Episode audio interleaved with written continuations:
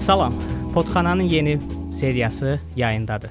Bu gün də biz maraqlı mövzuya müraciət eləyirik. Biz danışacağıq Azərbaycan və xüsusən də Bakının yol nəqliyyat infrastrukturundan. Bildiyiniz kimi bu məsələ də ölkədə ən aktual məsələlərdən biridir. Tıxaclar, nəqliyyat təhlükəsizliyi, piyadalar üçün rahat zonalar. Düşündük ki, bu seriyada bu məsələyə də yer verək. Qonağımız tanınmış urban bloger Anar bəydir. Anar bəy xoş gəlmisiniz. Salam, xoş gününüz olsun. Çox sağ olun dəvətiniz üçün. Anar bəy, ə, ilk öncə gəlin başlayaq bir məsələdən. Ə, Urban bloger nə deməkdir? Yəni Azərbaycan üçün yeni bir anlayışdır. Mən də eşitməmişdim. Söz mənası o deməkdir ki, ə, urban şəhər bloger, yəni şəhər blogeri. Yəni şəhər blogeri, urban bloger nə ilə məşğul olur? Bloger artıq yəni kifayət qədər yəni tanınmış bir termin olsa da, urban ə, bəli düz deyirsiniz ki, bu ə, şəhər deməkdir, yəni tərcümədə. Lakin urban burada sırf ə, urbanistika yəqin ki, daha düzgün olar bunu bağlamaq. Ümumiyyətlə urbanistika ə, o həqiqətən yəni Azərbaycan üçün nisbətən yeni bir termindir, baxmayaraq ki, hər hansı bir ə, keçən əsrdən gələn bir termindir. Urbanistika sırf ə, şəhərlərin ə, şəhərlər haqqında elm olsa da, ə, mənim ə, araşdırdığım sahə urbanistikanın o hissəsidir ki, sırf rahat şəhər olmalıdır, insan yönümlü şəhər olmalıdır, təhlükəsiz şəhər olmalıdır. Yəni urbanistikun bu qoludur, mən belə deyərdim. Bunun da başında təbii ki, şəhər salma ə, prinsipləri, yanaşması durur və ə, apardığım ə, bu artıq ə, dediyiniz kimi həm YouTube kanalında ə, urban bloger kimi ə, fəaliyyət göstərsəm də artıq 5 ildən çoxdur ki, sırf ə, sosial mediada sayt vasitəsilə bunun ə, belə deyim də ə, teoriyasından danışıram, bunun misallarını gətirirəm və çox vaxt elə urbanistikanın əsaslarına, urbanistikanın prinsiplərinə bir istinad gətirirəm. Ona görə elə ən optimal ə, çox vaxt buna urbanist deyə bilərlər, amma urbanist daha çox peşə kimi olsa da, yəni ə, sırf bu ilə məşğul olursan, araşdırmalar falan. Bəli, mən bu haqqda yəni kifayət qədər, yəni ali təhsil almasam da, yəni kifayət qədər yəni bu, bu haqqda maraqlanmışam, öyrənmişəm, amma bloger sırf mən çalışıram bunu ə, necəsə ə, daha ani şəkildə göstərməyə, elə bizim şəhərlərimizin nümunəsində falan, yəni sırf sosial ə, funksiyasını burada da yetirirəm ki, yəni insanlara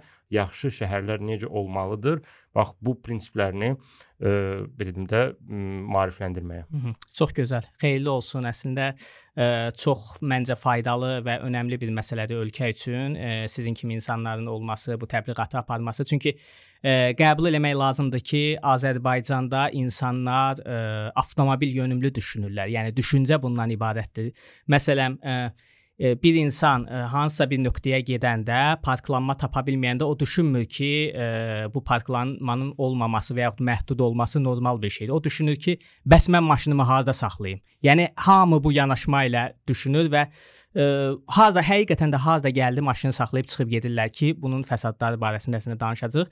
Ə, urbanistika barəsində şəhər salma, ondan sonra nəqliyyat məsələləri barəsində çox danışmaq olar. Bu gün istədiyim mövzunu verək. Ümumiyyətlə piyadalar və piyadaların şəhər mühitində rolu, problemlər, infrastruktur məsələləri, ə, bunu necə düzəltmək olar və s. Ə, belə başlayaq. Piyadaların şəhər mühitində ə, nəqliyyat axınında iştirakının əhəmiyyəti nədən ibarətdir? Belə deyək də biz yenə danışdığımız ki, urbanistikana, urbanistika istinad eləsək, onun ə, əsaslarına istinad eləsək, biz şəhərdə bütün hərəkət iştirakçılarının prioritetlərindən danışacağıq və müasir yanaşma, yəni sağlam yanaşma belə olmalıdır ki, yəni ə, biz bunu piramida formasına götürsək, bu hə, həmin piramidanın başında ə, piyadalar dayanır, insanlar dayanır.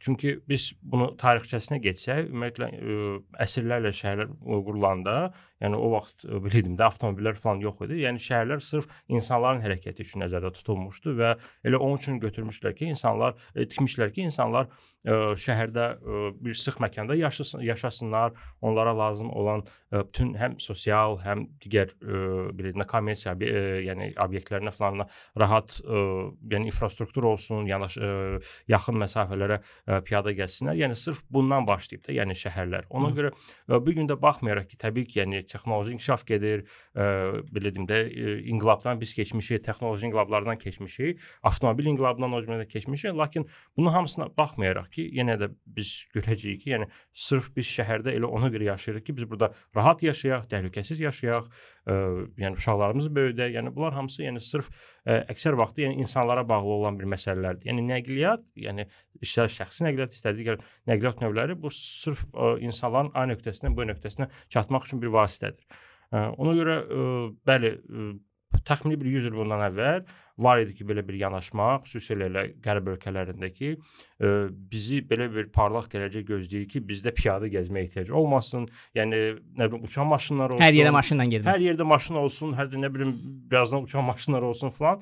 Amma gördülər ki, yəni şəhərləri bu cür qurmaq, yəni insanların təbiətinə xas olan bir şeydir. Yəni xas əksinə xas olmayan, xas olmayan bir şeydir. Yəni biz ə, hər zaman yəni yəni bütün ə, belə deyim də prioritetləri sırf bir insanın üzərinə qoyma, insanın ətrafına qoymalıyıq və kifayət qədər yəni vaxt keçdi, 30 il, 50 il və artıq qərb ölkələrində, ə, inkişaf etmiş Asiya ölkələrində falan biz görürük ki, yanaşmalar biraz dəyişir.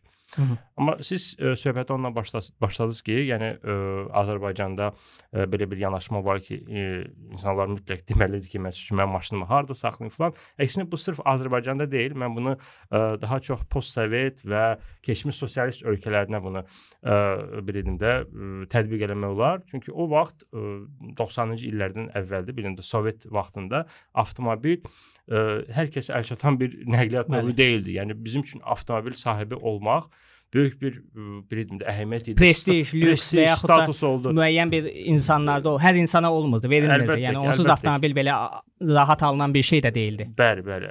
İndi isə vaxtlar dəyişdi. Yəni son 20 il ərzində deyək, 30 25 20 il ərzində elə oldu ki, hər kəs əksəriyyət belə deyim də, yəni özünə maşın əldə etməyə bir hüququ qazandı. Yəni bunun üçün bilim defitsit yoxdur, falan yoxdur, müxtəlif məbləğdən, yəni istər 5 min atmış, 150 minə qədər maşın almaq olar və insanlar düşünür ki, əgər mən bu statusa gəlib çatmışam ki, mən özümə maşın ala bilərəmsə, deməli dövlət mənə buna bir ə, imkan yaratmalıdır hər hə, şey üçün. Bonus olaraq bütün digər üstünlükləri mənə gətirməlidir.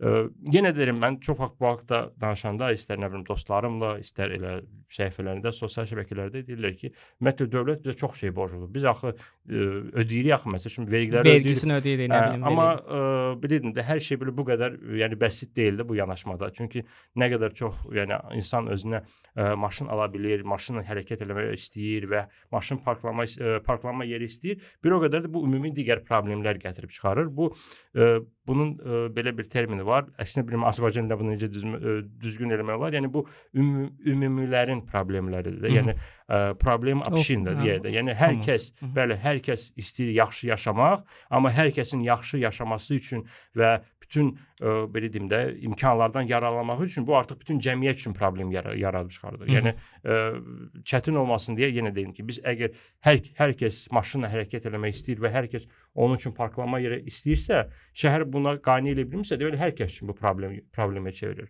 Hı. Ona görə yəni bunun bu yanaşma sonuna getməlidir ki, yenə də insanlar, şəhərlər insan yönümlü olsa və sırf ə, bir insanın mobilliyi düşünülsə, Yəni mən burdan A nöqtəsinə B nöqtəsinə necə rahat çata bilərəm, necə daha tez çata bilərəm?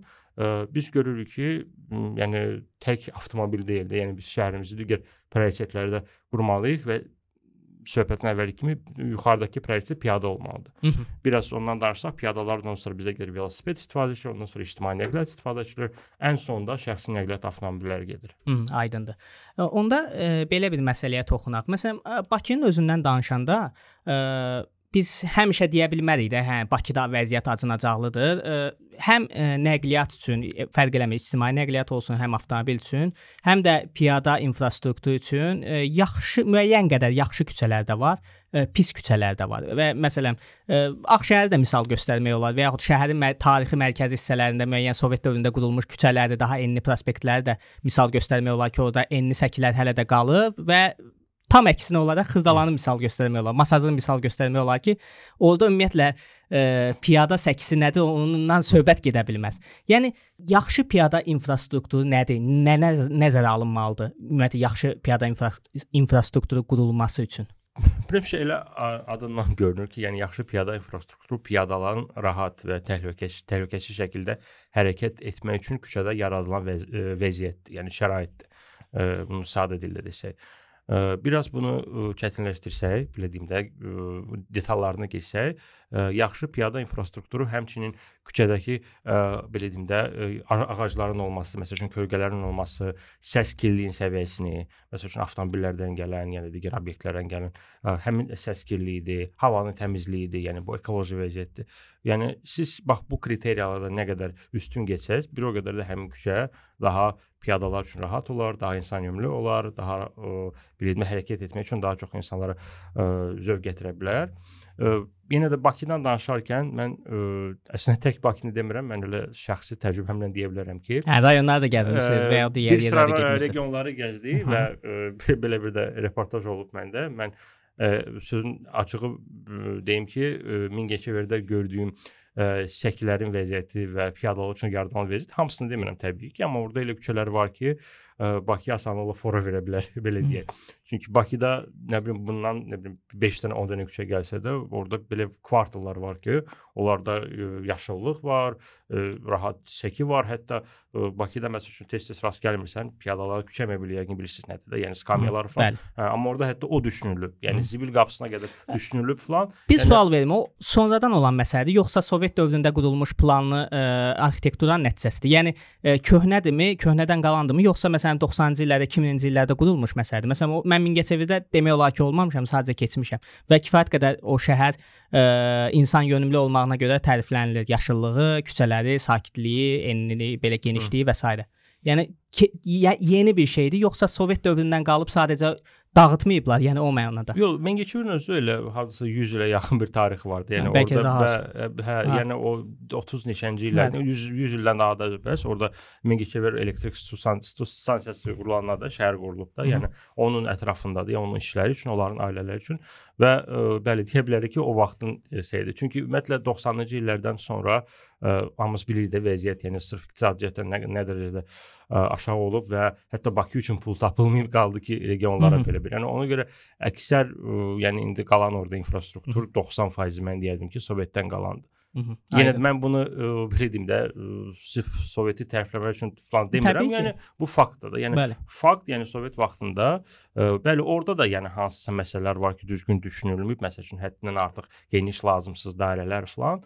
Ə, amma sırf o vaxt yəni piyada infrastrukturuna kifayət qədər yəni vaxt ə, diqqət ayrılıb və Bakıda da əslində var idi belə küçələr, amma indi hər, hər kəs üçün Yəni indi ani şəkildə görürük ki, Hı -hı. kimsə nə bilim harda nadir bir küçə taparsan ki, orada nə bilim 5 metr, 6 metr səki var, amma mütləq orada ya obyekt qurarlar, ya nə bilim e, bir o boyda da bir e, köşk qoyarlar. Yəni mütləq necəsə onu zəbt eləyirlər. Hı. Yəni regionlarda biraz hələ ki e, çox dəyilməyib. Hə, çox da yəni insanın əl dəyməyib də, yəni sırf e, bu cəhətdən. Hı -hı. Elə tarixdən danışmışkən, e, Bakıdan gəl ə, e, söz eləyək. Bakıda ə, e, piyada in infrastrukturun tarixi icmalı. Yəni Çar Rusiyasından başlayaraq Sovet dövrü, 90-cı illər və neft bumu gələndən sonra Proses necə gedib? Nə yaxşıya doğru dəyişib, nə pisə doğru dəyişib?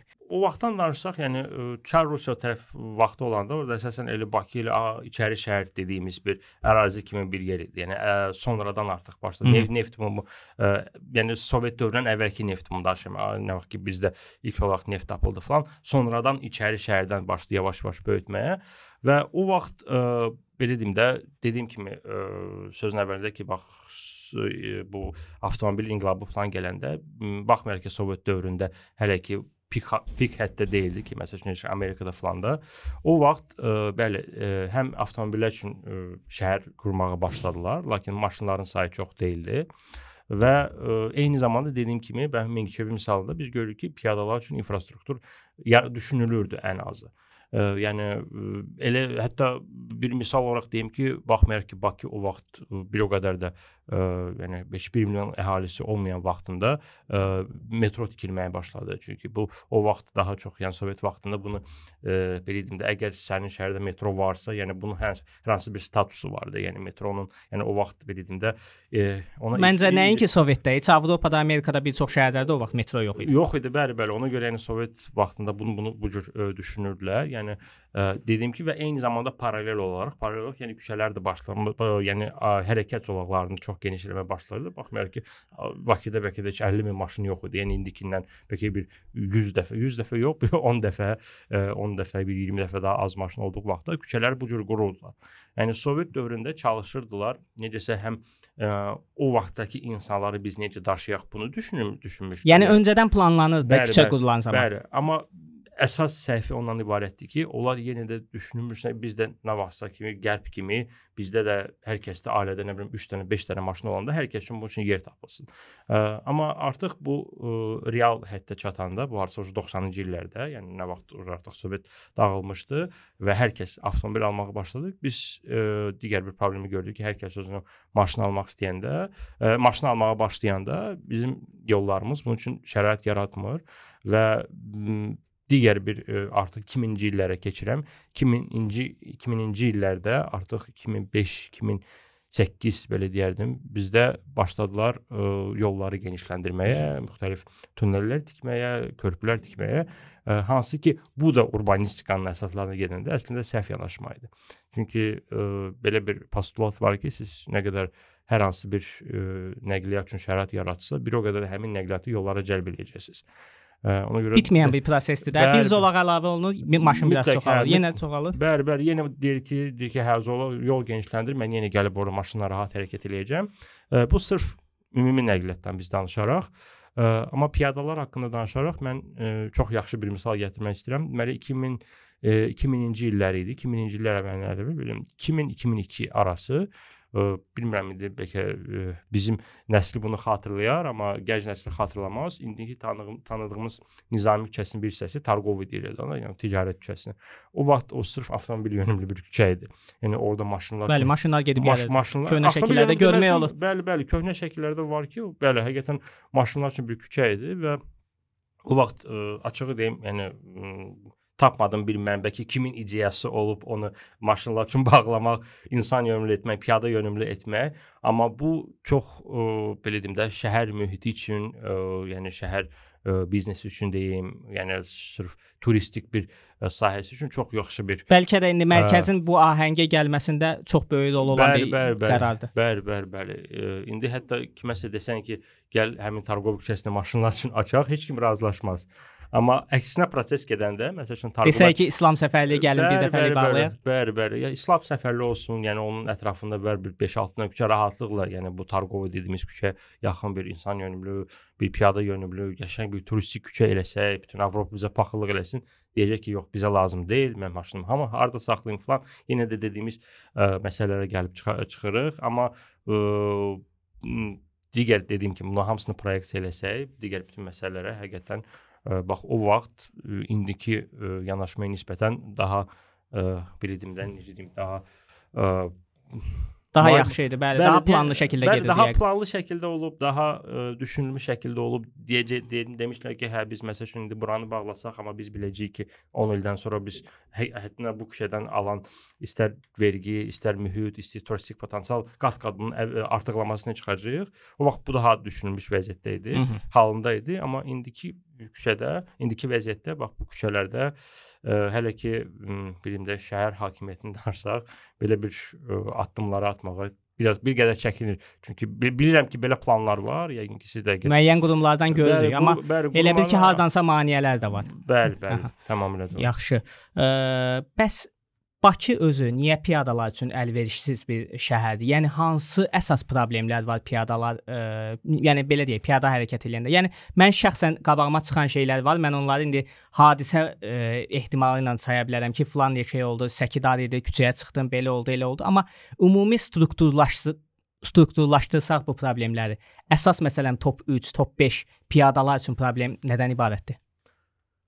Belə deyim də, ə, mən istəməzdim sırf deyim ki, piyadalar üçün problem. Ümumi olaraq, yəni ə, bu gün şəhər salma ə, problemi, yəni bu bura piyada problemləri daxil olmaqla, çünki ə, məsələn velosiped üçün şərait olmaması o da əslində müasir bu da bir parçasıdır. Bu da bir parçasıdır və bu siz topuş danışanda bunun top 3-ündə, yəni başında duran məncə bugünkü ə, şəhərin ə, belə deyim də bir qurumda olmamasıdır. Yəni biz bunu sadələşdirsək, yəni şəhər hakimiyyəti bir qurumda olmamasındandır və bu vahid mərkəzdən idarə olunmamasından irəli gəlir. Hı -hı.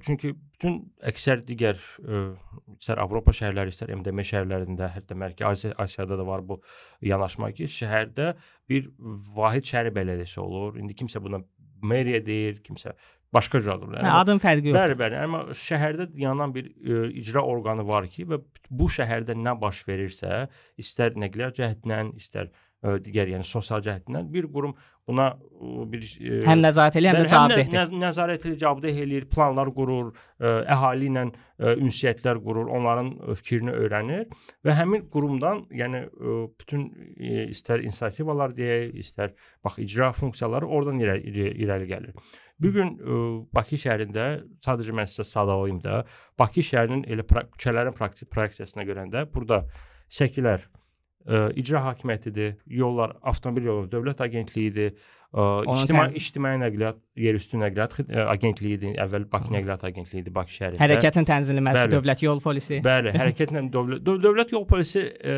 tənzimləyə bilər, nəzarət edə bilər, amma hətta indiki strukturda həm də yol polisi yol hərəkətinin təşkilinə də cavab təşkil cavabdeh olan bir qurumdur. Yəni mən sadəcə sizə 4 dənə qurum dedim, hansılar ki, bax əsas olaraqdır. Yəni və heç biri gəlib deyə bilmir ki, bax ən düzgün söz mənimdir. Çünki birindən dəfələrlə müraciətlər göndərmişəm. Birinə göndərirəm deyir ki, biz siz biz baxmırıq ya. Biz baxmırıq. Digər dövlət qurumları göndərmişik razılaşmaya.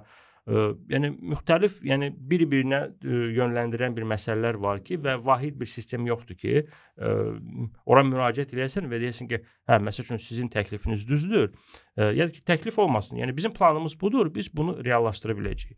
Nə vaxt müraciət edirsən deyirlər ki, biz siz ə, yox bu məndən asılı deyil və bu tək elə mən ancaq bu şə problemini deyirəm. Bütün digər sosial problemlər. Yəni bunun bina hə, tikintisi var, bunun ümumiyyətlə avto avtobusların 5-ci struktur hətta ə, şeydir. Şəhərdə salma arxitektura deyəsən. Bəli, həmin komitədir. Yəni 5 hə. dənə qurumdur ki və həmin 5 qurumun arasında vahid bir mər mərkəzləşdirilmiş bir ə, deməzdim nəsə bir komissiya falan, amma bir ə, qərar verici orqan deyil. Yəni heç biri deyə bilməz ki, mən bunu eləyirəm və bütün digər dövlət qurumları mənə uyğun hərəkət eləməlidir. Yoxdur. Yəni Hətta qanun... birini də deyim, bu icra ilə bağlı olan məsələlərdə də tutaq ki, proses Nərim Nərimanovda nəsə baş verir, Nərimanovla bağlı bir təklif və ya şikayət var ə, müraciət eləyirsən Nərimanov icra hakimiyyətinə, onlar deyir ki, yox, bu işə biz baxmırıq, Bakı şəhər icra hakimiyyəti. Bakı şəhər icra hakimiyyətinə müraciət edən deyir ki, yox, bizlik deyil, Nərimanova müraciət edin. Yəni işin bu tərəfi də var bəli, hətta. Bəli, bəli. Top 3-dən danışsaq da indi qısa olaraq ikisi haqqında danışacağam. Həmin başda duran odur ki, yəni mütləq düşünürəm ki, Bakı şəhərində bu həm urbanistik problem, nəqliyyat problemləri ə, sırf bax burdan necəsə ə, idarə olmalıdır, necəsə burdan bir kiçik bir olsa da islahat olmalıdır ki, bəli biz istəyirik ki, bəs ə, şəhər yaxşı olsun və bunun üçün bu bu bu addımlar qurum, yəni görülməlidir. Yəni belə qurum mən hələ ki təəssüf ki görmürəm. Digər məsələlərə gəldikdə, ə, yenə də bilməm ki, kimdən hansı qurumlardan bizə baxacaqlar. Mən yenə də heç kimin xətrinə də, də, dəymək istəmirəm, amma ə, həqiqətən görürəm ki, ə, belə bir niyyət var ki, nəyisə yaxşı eləmək. Amma yenə də biz ə, bundan əvvəl danışdığımız məsələyə gəlib çıxırıq ki, ə, çox təəssüf ki, hətta sadalam qurumlarında hamısında olmasa da, yəni amma belə bir prinsip var ki, biz yenə də ə, tıxacların ə, qarşısını almaq üçün nə bilim yolları genişləndirməliyik, falan görməliyik və bütün bu addımları görərkən piyadaları qalır təəssüf ki, ikinci planda. Ə, yəni hardasa sən səki salmaya bilərsən, əşi kimdir burada piyada hərəkət edən? Yəni belə düşüncələr çox təəssüf ki, var.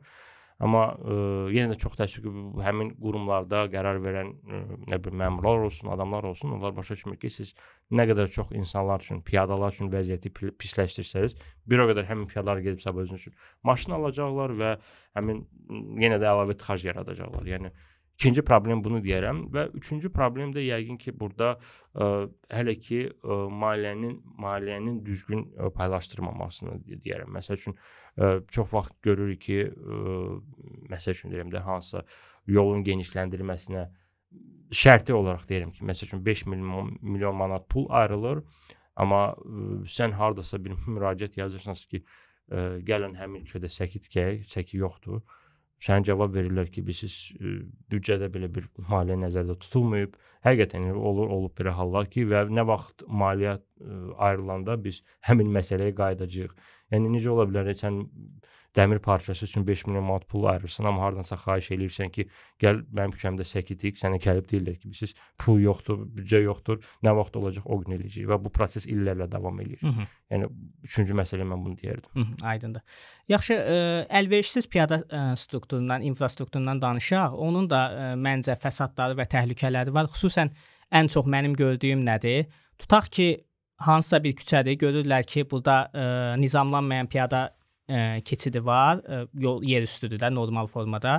Deyirlər ki, hə, eyni səviyyəli, hə. bəli, eyni səviyyəli. Deyirlər ki, okey də burada gəlin bunu ya qaldıraq yerin üstünə, bir dənə tikirlər və deyirlər ki, qoy eyb yox. E, insanlar pilləkənlə qalxsın. Hətta onlar üçün e, müvəqqəti deyək. Mən ona müvəqqəti demək istəməmişəm. Lift və ya eskalator tək, e, təşkil olunur. Çünki biz bilirik ki, o 3 aydan daha çox müddətdə işləmir. Yəni deyirlər, deyəndə bunu idarə bildəndə deyirlər ki, yox, narahat olmayın, e, eskalator olacaq, lift olacaq, insanlar rahat gedəcək, əziyyət çəkməyəcəklər. Yəni müəyyən bir vaxt keçir, e, insanlar görür ki, onsuz da yəni bu proses narahatdır. Yəni daha uzun yol gedir, daha komfortsuzdur piyada üçün. E, eskalator və ya lift işləməyəndə xüsusən yaşlı insanlar üçün, araba ilə gələn, uşaqlı insanlar üçün bu onsuz da mümkünsüzə çevrilir həmin yolu keçmək və insan məcburən qalır yolu piyada keçsin, ə, həmin keçidin elə altından. Buna qədər hər şey normal görünə bilər. Məsələ ondan ibarətdir ki, ə, maşın sürən insan, A şəxsi, B şəxsi, mən və ya Danar bəy düşünürük ki, okey, burada əvvəl ə, eyni səviyyəli piyada keçidi var idi. Mən əvvəl diqqətli olmalı idim, çünki burada hər an piyada çıxa bilər. İndi rahat mən gedə bilərəm 60 sürətimlə, 65 ilə gedə bilərəm, çünki ə, bilirəm ki, yerüstü piyada keçidi var, piyada ordadır. Amma mən heç vaxt düşünmürəm ki, piyada heç oradan çıxa bilmir və həyatını riskə atır və ə, Bir çox halda biz görürük ki, e, xüsusən Nobel prospektində, e, nə bilim Dərnəgül şosesində, Hidəliyev prospektində gördük ki, yəni bu illər boyu elə ən böyük, ən dəhşətli qəzalar ə, e, piyada ə, keç, yerüstü piyada keçidlərinin, yəni pilləkənlə qurulmuş yerüstü piyada keçidlərinin düz altında baş verir. Əlverişsiz piyada strukturundan danışanda, yəni ə, bu təhlükələrin biridir. Digər hansı məsələlər siz sizin qarşınıza çıxıb? Yəni tə, piyada üçün məsələn sadə görünə bilər. Dövlət deyir ki, əşi burada bu balaca olsa da olar. Balaca çıxar qırağa və ya balaca o tərəfdən gedər. Yəni başqa hansı fəsadlar var piyada üçün?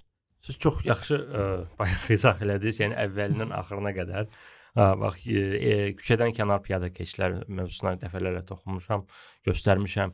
Siz dediyiniz kimi də, yəni piyada keçid tikirlər, əyani şəkildə göstərmişəm. Çoxusu məsəl üçün yazanda inanmırlar. Bax, getmişəm, görürəm ki, piyada keçidi, yəni yeraltı piyada keçidi özü də 2 mərmər falan gör kifayət qədər yəni məbləğ orada ayrılıb, amma ə, eskalatoru varsa işləmir, lifti varsa işləmir və ona daimi nəzarət etmək mümkün deyil, çünki texnikada sıradan çıxa bilən bir şeydir və yenə də qayıdırıq məsələyə ki, yəni sən hər zaman milyonlarla bu həmin keçidləri tikirsən, nə bilim sonra yüz minlərlə ə, lift qoyursan, sonra sən gedib yenə də hər ay nə bilim 5000, 10000 buna saxlanma xərcləri. Saxlanma xərcləri biz də görürük ki, yəni effektiv bir idarə etmə sistemi deyil, yəni nəqliyyatdan söhbət gedir. Ə, yəni bu küçədən kənar pi piyada keçidlərinə həqiqətən ə, bax bunlara yanaşmasına, yəni şəhər ə, hakimiyyəti tərəfindən deyərəm ki, ə, əgər vahid bir şəhər salma ha hakimiyyəti olsaydı bu problem həqiqətən kökündən çoxdan həll olunmalı idi. Ə, bir həmin mövzunun davamı olaraq ə, çox vaxt yenə də gəlib deyirlər ki, məsəl üçün ə, bizim piyadalara yaraşmır, nə bilim bizim bizim kimi ölkələrdə bu işləməyəcək, ə, nə bilim biz biraz mentalitet falan flaşkadır, amma hər zaman buna ə, ən yaxın bizə qonşulardan biri olan Gürcüstanı gətirirəm. Ora yeni ə, mer deyə belə deyək, Kaxakaladze gələndə onun ən birinci yəni şəhər salma, yəni şəhər küçələrinə yanaşma o idi ki, biz bütün yeraltı yerüstü piyada keçidlərini eyni səviyyə piyada nizamlanan eyni səviyyə piyada keçidlərindən əvəz eləyərik. Siz bu gün Tbilisinin, Tiflisinin də hamısını demərəm, amma mərkəz küçələrini siz gəlsəz, bir dənə yeraltı yerüstü piyada e, rastınız gəlsə belə, yenə də onun alternativini görə biləcəksiniz. Mən bu səbəbi də çox siz yaxşı izah elədiniz. Yəni az mobilli insanlar üçün, yəni hər kəs üçün rahat deyil də bu cür piyada keçidləri və o heç bir problemi həll eləmir də. Əksinə daha çox təhlükə yaradır. Bu birinci məsələ, əgər piyada əlverişsiz piyada infrastrukturundan danışaraq, digər əsas məsələ odur ki, yenə də piyada səkiləri ümumiyyətlə, yəni yəni gəzmək üçün məkan olaraq mövcud deyil bir çox. Yəni siz Bakı şəhərində belə deyim də çox nadir bir hallarda belə bir küçə tapa bilərsiniz. Siz əvvəldən axıra qədər getsəniz və siz yola çıxmadan bəli, yolu çıxmadan ya da ki sizə var yersiz bir mühit hər yerdə rast gəlsin. Yəni rahat olaraq ki uşaq uşaq arabasını ümumiyyətlə demirəm. Yəni heç olmasa özünüz yola çıxmadan rahat hərəkət eləyəsiniz. Çox nadir belə bir küçələr var. Hətta şəhər mərkəzində belə bir küçələrin sayı azdır. Yaxınlıqda elə məsəl üçün 28 may dəmir yolu vazının ətrafında da göstərmişdim. Hətta orada belə küçələrə rast gəlmək olar. Yəni ən birinci təhlükə odur ki, yəni bizdə piyadalar üçün hərəkət etmək məkan yoxdur. Yəni problem odur. Piyada da məcbur qalır yola çıxır. Yola çıxmağa. Sonra da bilirsiniz bu ə, belə problemlər digər regionlarda Mingişevir demirəm, məsəl üçün Qubadan filandan da görmüşəm ki, mütləq küçə elə layihələndirilir ki, orada səki üçün yer ayrılsa da mütləq həmin səkidə kimsə fənər stolbası qoyar ya da ki, nə bilim başqa bir maneə hə, o qədər dar olur ki, o qədər dar olur ki, yəni orada insanlar 2 nəfər biri gedən biri qayıdan keçə bilər. Tək elə vlog üçün yox, tez-tez regionlara səfərlərim olur. Görürəm ki, insanlar üçün orada yolla hərəkət eləmək normal bir haldır və orada özləri arasında necə deyim maşınların sayı falan azdır. Necəsə öz aralarında burada dil tapır tapırlar da. Maşınların sayı az, piyadalar nisbətən ehtiyatla hərəkət eləyir. Amma həmin vəziyyət artıq Bakı şəhərində yaranda burada intensiv hərəkət e, var, yəni maşınlar intensiv hərəkəti var, yəni piyadalar o qədər də hər şeyi nəzərə ala bilmirlər və biz birinci gəlib deyirik ki, bax piyadalar pisdir, piyadalar tərbiyəsizdir falan başlayır onu sövməyə, hətta təhqir eləməyə ki, bu nə yaşayışdır, yəni belə yəni belə deyim də, yəni insanlar belə davranmamalıdır falan, amma onun kökündən biz bilmirik ki, onun kökündə o dayanır ki, biz illərdir insanlar üçün, piyadalar üçün Demək olar ki, heç bir şərait yaratmamışıq. Onlar üçün yollarda hərəkət etməyə, yolu harda gəldi keçməyə vərdiş olan bir hala çevrilib. Və bunun bilim də dərmanı deyim, dərman ondadır ki, biz təbii ki, sırf ə, piyadalar üçün, insanlar üçün infrastruktura yenidən baxmalıyıq. Yəni yenidən ə, təhlillər aparmalıyıq. Niyə insanlar belə davranır? Niyə belə hərəkət edir? Niyə yol burdan keçir? Ondan sonra hər, hər hansı bir pretenziya bunlar üçün ə, gətirə bilərik. Yenə də əlverişli şərait ondan ibarət gəlir ki, ilk növbədə yəni yenə dərinə getmədən deyim ki, piyadalar üçün hərəkət etmək üçün səkilərin vəziyyəti çox acınacaqlıdır. Çox təəssüf edirəm. Hansı ölkələrin və ya şəhərlərin praktikası çox yaxşıdır? Çünki mən də ə, çalışıram, çox ə, gəzməyi sevən insanam. Fərqli ölkələrə gedirəm. Yaponiyasından tutmuş, Amerikası, Avstraliyası, Avropası. Ə, mən deyərdim ki, Amerikada da nə qədər mərkəzi şəhərlərdə, mərkəzi küçələrə çıxsaq, bir çox hallarda orada qurulmuş infrastruktur da ə, çox da insan yönümlü deyil. Düzdür, ə, piyada səkiləri daha yaxşıdır. Ən azından bilirik ki, standartlaşdırılıb. Qazonun üzərində bir ə, eyni formada, standart formada, xüsusən Amerikada beton lövhələr olur. Amerikanın hər yerində rast gəlmək mümkündür. Ən azından velosiped və sair sürmək olur. Düzdür, nəqliyyat məsələsi çox ə, kasaddır orada, ictimai nəqliyyat məsələsi. Avtomobilsiz ə, demək olar yaşamaq mümkün deyil, amma ən azından ə, piyada ə, qaçış olsun və yaxud hansısa məntəqəyə getmək, yəni texniki olaraq ən azından mümkündür. Yola çıxma falan söhbəti yoxdur. Və ə, işıqforlar belə, yəni highwaylərdə olsun və yaxud da nə bilim ə, 4 zolaqlı, 5 zolaqlı yollarda olsun, orada da ə, müəyyən ayrılmış ə, və düyməli işıqforlar və keçidlər var ki, ən azından bilinir ki, insan ə, təhlükəsiz formada o yolu keçə bilər.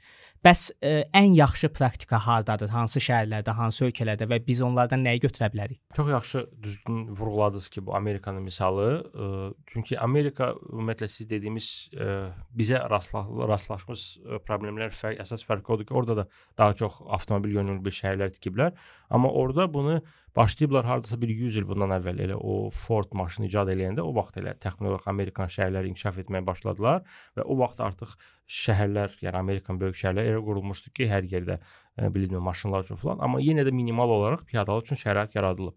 Yəni sən yolu keçmək üçün mütləq səndə piyada keçid olacaq. Baxmayaraq ki, bəlkə sən orada nə bilim 2 dəqiqə gözləməli olacaqsan, amma yol yolu keçə biləcəksən. Və ə, e, hardasa çox yenə də nadir hallarda, yəni səki kəsilib yəni e, birbaşa olaraq yola çıxa bilər. Var, amma bizdəki kimi deyil də.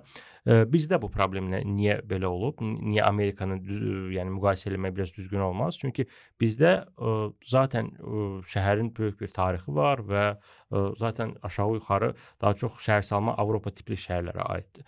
Və bizdəki kimi şəhərləri heç vaxt tam avtomobil yönümlü eləmək mümkün deyil. Yəni nə bu, bu qədər burada yer var, nə bu qədər burada məsafələr var, nə küçələr özü buna imkan verir. Ona yəni görə... etdiyimiz şeydə məncə nə avtomobillər normal bəli, uyğun olacaq, nə də şeyə piyadalara. Yəni bir xaos, bir bəli, kaşa bir şey olacaq. Nə, nə orası, nə burası düzgün olacaq. Ona görə ə, düşünürəm ki, biz daha çox bizə oxşayan bir şəhərlərin bir nümunəsini biz götürəcəyik. Elə nisbətən buna yaxın olan mən sadalaya bilərəm. Məsəl üçün təbii ki, Türkiyə şəhərləri ola bilər, təbii ki, məsəl üçün Ukrayna şəhərləri elə yaxın olması Gürcüstan şəhərlərində aşağı yuxarı bizdəki kimi problemlər var və hələ də qalır. Amma ə, həll yolu biz onlardan ə, öyrənməliyik. Birincisi Bakı şəhərində ə, dediyim kimi, yəni ə, nəqliyyat cəhətinə kompleks olaraq yenidən baxılmalıdır və ə, ictimai nəqliyyat ə, təbii ki, inkişaf edib və bir çoxları bərpa olunmalıdır. İlk növbədə Məsəl üçün biz ə, tramvayı deyək 2004-cü ildə, gələn il 20 il olacaq ki, biz tramvaysız qalan bir şəhərik. Ə, bir ki bir sıra Bakı kimi şəhərlər artıq bər, tramvayı bərpa bərpa ediblər. Hətta ə, sıfırdan salınan tramvay şəhərləri var. Ə, bir yaxşı rəqəm sizə deyim. Bilmirəm nə qədər nə dərəcədə dəyişib, amma 90-cı illərdə Türkiyənin cəmi bir şəhərində tramvay var idi. İstanbul idi. Bu gün Türkiyənin 20 şəhərində tramvay var. 20 şəhərində tramvay var və ən nisbətən yaxında hardasa bir 6-7 il əvvəl İzmir şəhərində mən tramvay görmüşdüm. Yəni ideal olaraq da yenə, yenə deyim ki, yəni ə, həm ə, daşıma, ə, yəni ə, belə deyim də qabiliyyəti tərəfindən, həm tıxacların mübarizədə falan da, yəni bu cür ə, problemlər, yəni bu cür həllər, problemlər həll, həll etməyə ə, kömək eləyə bilər. Yəni dediyim kimi Türkiyə şəhəri ola bilər və ə, Avropanın ə, belə deyim də, yəni aşağı yuxarı bizə oxşayan şəhərlər deyə bilərəm məsələn Budapest şəhəri. Mən orada ə, hər yerdə olmamışam, amma Avropanın hansı bir 10 şəhərində olsam da ən ə, bəyəndiyim ictimai nəqliyyat, piyada infrastrukturu, velosiped üçün şərait mən deyə bilərəm məsəl üçün ə, Budapest şəhəri deyə bilərəm. Ə, çoxsu indi mənə deyə bilər ki, məsəl üçün Amsterdamda hətta ümumiyyətlə yəni ə, avtomobildə çox velosiped var, onu velosiped paytaxtı kimi deyə bilərik. Amma ümumi olaraq ə, belə deyim də aşağı yuxarı ə, bizə bənzər ə, şəhərlər nümunə ola bilər ki və biz ə, onlardan öyrənə bilərik, hər şey olmasa. Yəni nə isə sıfırdan ə, kəşf eləməyə ehtiyac yoxdur bəli, da, bəli. yaxşı praktikanı götürüb tətbiq bəli, eləmək olar. Bəli. Lap uzağa getmirəm, nə bilim, birbaşa olaraq Berlin, Londona desəm, deyirlər ki, məsələn bizlə olan arasında 100 il fərq var. Nə bilim, Yaponiya desən deyəcək 200 il fərq var. Ona görə ə, elə elə Şərqi Avropadakı fərq qədər yaxşı. Bəli, Şərqi Avropadan ə, elə Polşanın nümunələrini bizə tətbiq eləmək olar da. Yəni biz onlarla belə deyim də ən azı 50 il fərq deyil. Yəni biz düzgün formada inkişaf eləsək, yəni həmin vaxt aralığını ə, aşağı sala bilərik və dediyim kimi bu gün Tiflis şəhəri bunun yolunu gedir. İstanbul olsun, baxmayaraq ki, İstanbul bu gün tıxaclarda boğulan ən böyük şəhərlərdən biridir, amma bu gün İstanbulda kifayət qədər, yəni ictimai nəqliyyat növləri inkişaf eləyib, nə bilim 100 dənə metro stansiyası var. Ən azı bilirsən ki, sənin alternativin var, sən ə, qısa məsafələrdə piyada gəzə bilərsən. Yəni bunun alternativləri var. Ə, Bakı şəhərində təəssüf ki, indi vəziyyət elədir ki, sən nə maşınla, nə piyada, nə velosipedlə rahat şəkildə A nöqtəsindən ictimai ümumiyyətlə demirəm, ə, rahat çata bilmərsən. Ona görə bax bu cür yəni şəhərlər var ki, biz onlara baxıb öyrənməliyik. Ə, bunun yekun olaraq onu əlavə etmək istəyirəm ki, bilirsiniz, ə, bizim bu gün yaşadığımız problemləri hardasa bir 60-cı, 60-cı, 70-ci illərdə həm qərb ölkələr, həm digər böyük şəhərlər artıq yaşayıb və onlar bu problemləri həll etməyə onlara O, yəni onların bir nümunəsi yox idi. Biz baxaq belə eləyək. Onlar mütləq bunun dərin araşdırmasını aparmışlar. Bəlkə də nələrsə səhv eləyiblər, sonra düz eləyib. Bəli, bəli, yəni ə, başını döyə-döyə, yəni bunların hamısını yıxıla-yıxıla hamısını öyrəniblər. Amma bizim əlimizdə hazır formula var. Urbanistika əslində elə o vaxt ə, yəni dediyim kimi yaranmağa başladı, araşdırmalar başladı, hesablamalar başladı. Məsələn biz bir küçəni sırf avtomobil üçün eləsə nə qədər adam daşıya bilər, ictimai nəqliyyat üçün, velosiped üçün. Yəni araşdırmalar var idi, hesablamalar var idi, amma e, bu gün bizdə əlimizdə faktiki olaraq hazır nümunələr var. Həm ədəbiyyat, həm elmi araşdırmalar. Yəni hamısını var və bunu sadəcə tətbiq etmək lazımdır. E, ümid edirəm ki, buna da mütləq gəlib çıxacağıq. Aydındır. E, Anad bəy çox sağ olun. Çox maraqlı məncə ə, mövzulara toxunduq, maraqlı söhbətimiz oldu. Ümumiyyətlə nəqliyyat infrastrukturu, urbanistika, şəhərsalma ilə bağlı mövzuları davam elətdirəcəyik. Yəni burada aktual məsələlər çoxdur. Yol nəqliyyat təhlükəsizliyidir, şəhər salınanda binaların quruluşu, məhəllələr və s. bu məsələlər barəsində danışacağıq. İnşallah bəlkə başqa bir mövzuda yenə sizinlə görüşərik. Dostlar, bizi izləməyi unutmayın. Podxana YouTube-da, Spotify-da, Apple və Google Podcast-da sizinlədir hər hansı bir maraqlı mövzu təklifiniz və ya rəyləriniz varsa bizə yaza bilərsiniz. Çox sağ olun, görüşərik.